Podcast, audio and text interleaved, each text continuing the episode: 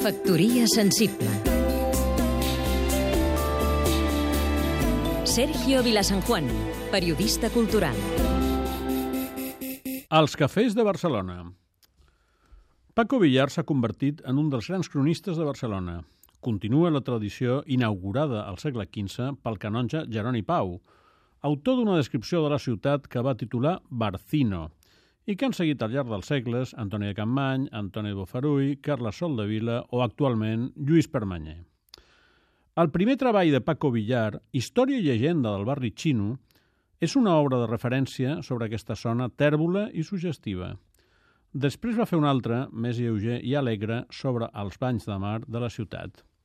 Però el seu gran projecte està consagrat als cafès, que van encarnar l'esperit revolucionari de la burgesia i a partir del 1850 passen a ser el centre de la vida social de la ciutat. El Cafè de les Delícies a la Rambla o el Cafè d'Orient a la plaça Reial van ser alguns dels més fastuosos. Als cafès es conspirava, es socialitzava, es flirtejava i fins i tot hi havia qui se suïcidava.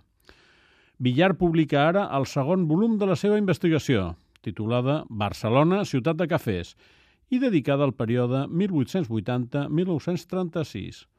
Parla del bar del Centro, del Colón, del Lion d'Or, del Suïzo, una autèntica edat d'or.